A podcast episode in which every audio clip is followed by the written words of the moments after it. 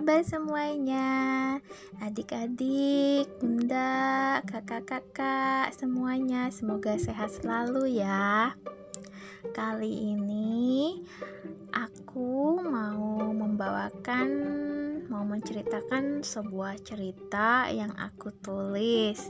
Ceritanya cerita anak. Semoga bisa dipakai buat cerita pengantar tidur ya. Ceritanya ini tentang dua sahabat, kura-kura sama si monyet. Uh, ceritanya ini disadur dari cerita Sunda Sekadang Kuya sama Sekadang Monyet.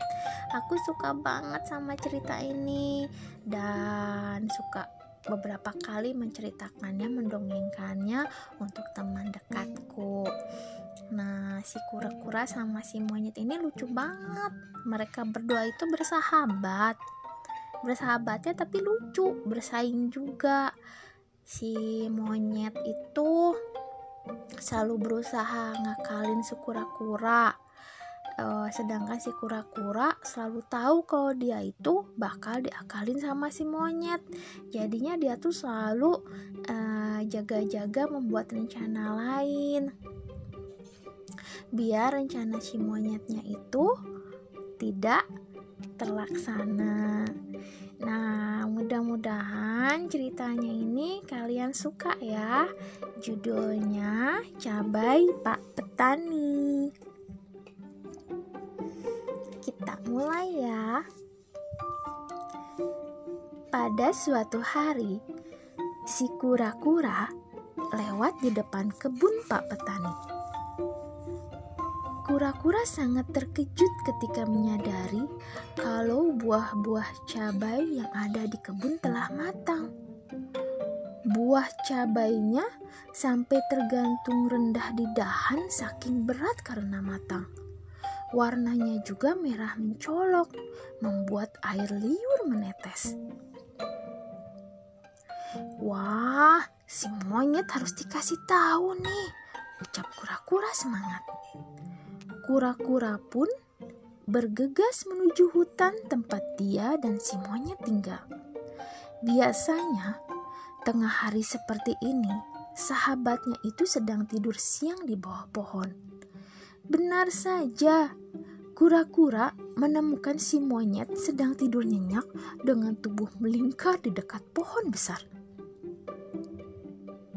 Hei monyet, bangun! Serunya sambil mengguncang-guncang tubuh sahabatnya itu.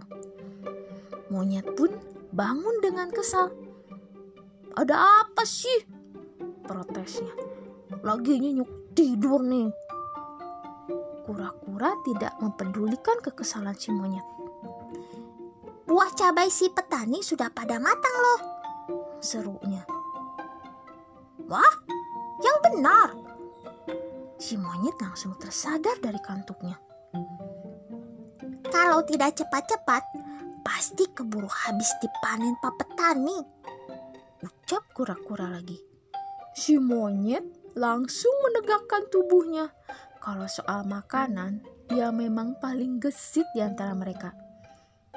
Ayo, cepat ke sana kura-kura. Jangan ngomong melulu. Monyet pun cepat-cepat berjalan meninggalkan hutan menuju kebun Pak Petani. Kura-kura menggerutu dalam hati ketika tertinggal jauh. Secepat apa pun dia berjalan, tetap saja lambat menurut binatang lainnya.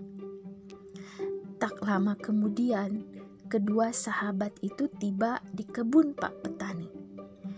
Monyet langsung gembira ketika melihat warna cabai yang merah. Kebun masih terlihat sepi. Pasti Pak Petani sedang makan di rumahnya. Aduh, pasti segar rasanya, bisiknya. Kura-kura berdesis agar si monyet tidak banyak bicara. Shh, jangan berisik. Nanti pas makan, kemari saja kita hampir ketahuan. Si monyet hanya nyengir mendengar peringatan kura-kura. Tenang saja, aku pasti tidak akan berisik, ucapnya tegas. Sebenarnya si kura-kura kurang yakin dengan perkataan si monyet. Tetapi karena perutnya sudah lapar, dia hanya bisa mengangguk saja.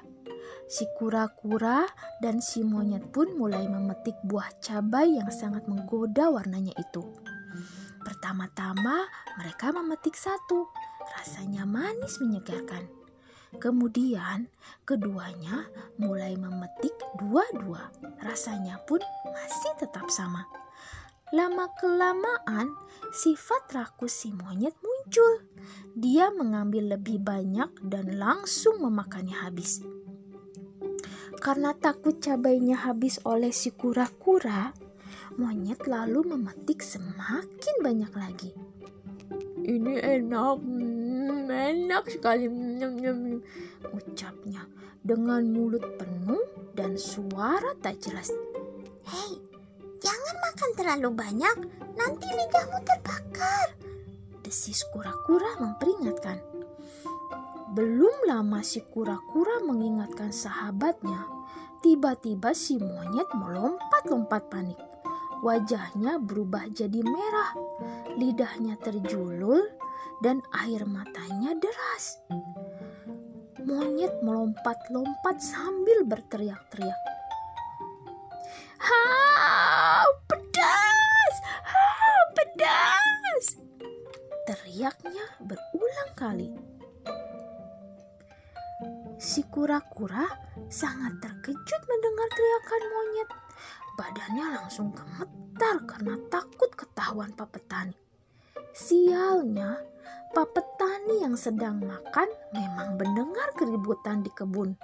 Dia pun melempar piringnya dan langsung berlari ke kebun. Hei, dasar binatang-binatang kurang ajar! Teriak Pak Petani sambil mengacungkan goloknya yang tajam. Si monyet ketakutan melihat Pak Petani lari ke arah mereka dengan marah. Tanpa menunggu lagi, dia pun langsung melarikan diri ke hutan, meninggalkan si kura-kura. Sungguh kasihan, si kura-kura tak bisa berlari cepat. Pak Petani dengan mudahnya bisa menangkap kura-kura yang tengah terengah-engah kecapaian. Kena kamu, rupanya selama ini kalian yang mencuri cabai-cabaiku. Pak Petani memelototi kura-kura. Sebagai gantinya, besok kau sembelih. Kura-kura menangis ketakutan mendengar ancaman Pak Petani. Dia marah sekali pada monyet yang jadi penyebab dirinya tertangkap. Kura-kura kecewa karena monyet meninggalkannya sendirian.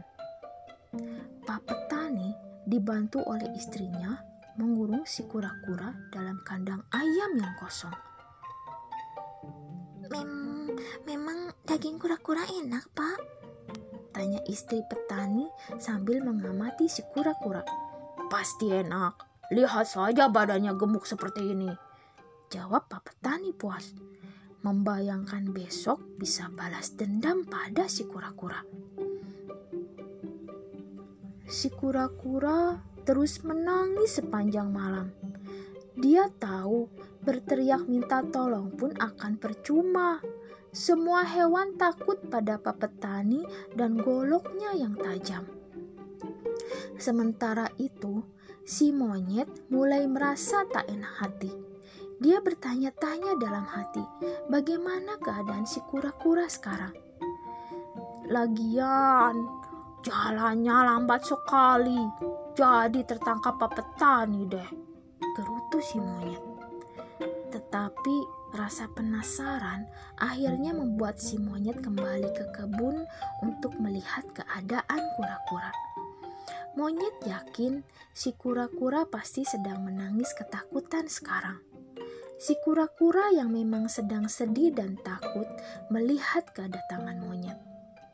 Otaknya yang pintar langsung menyusun sebuah rencana agar dia bisa keluar dari kurungan dia ingin memberi pelajaran pada monyet yang telah meninggalkannya begitu saja.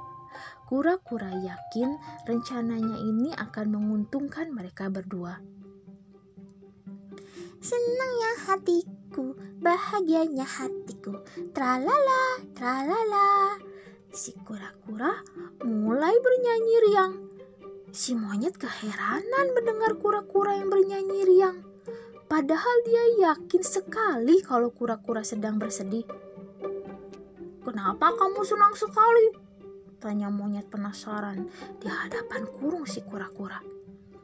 Karena aku akan menikah dengan putri Pak Petani. Jawab kura-kura ringan.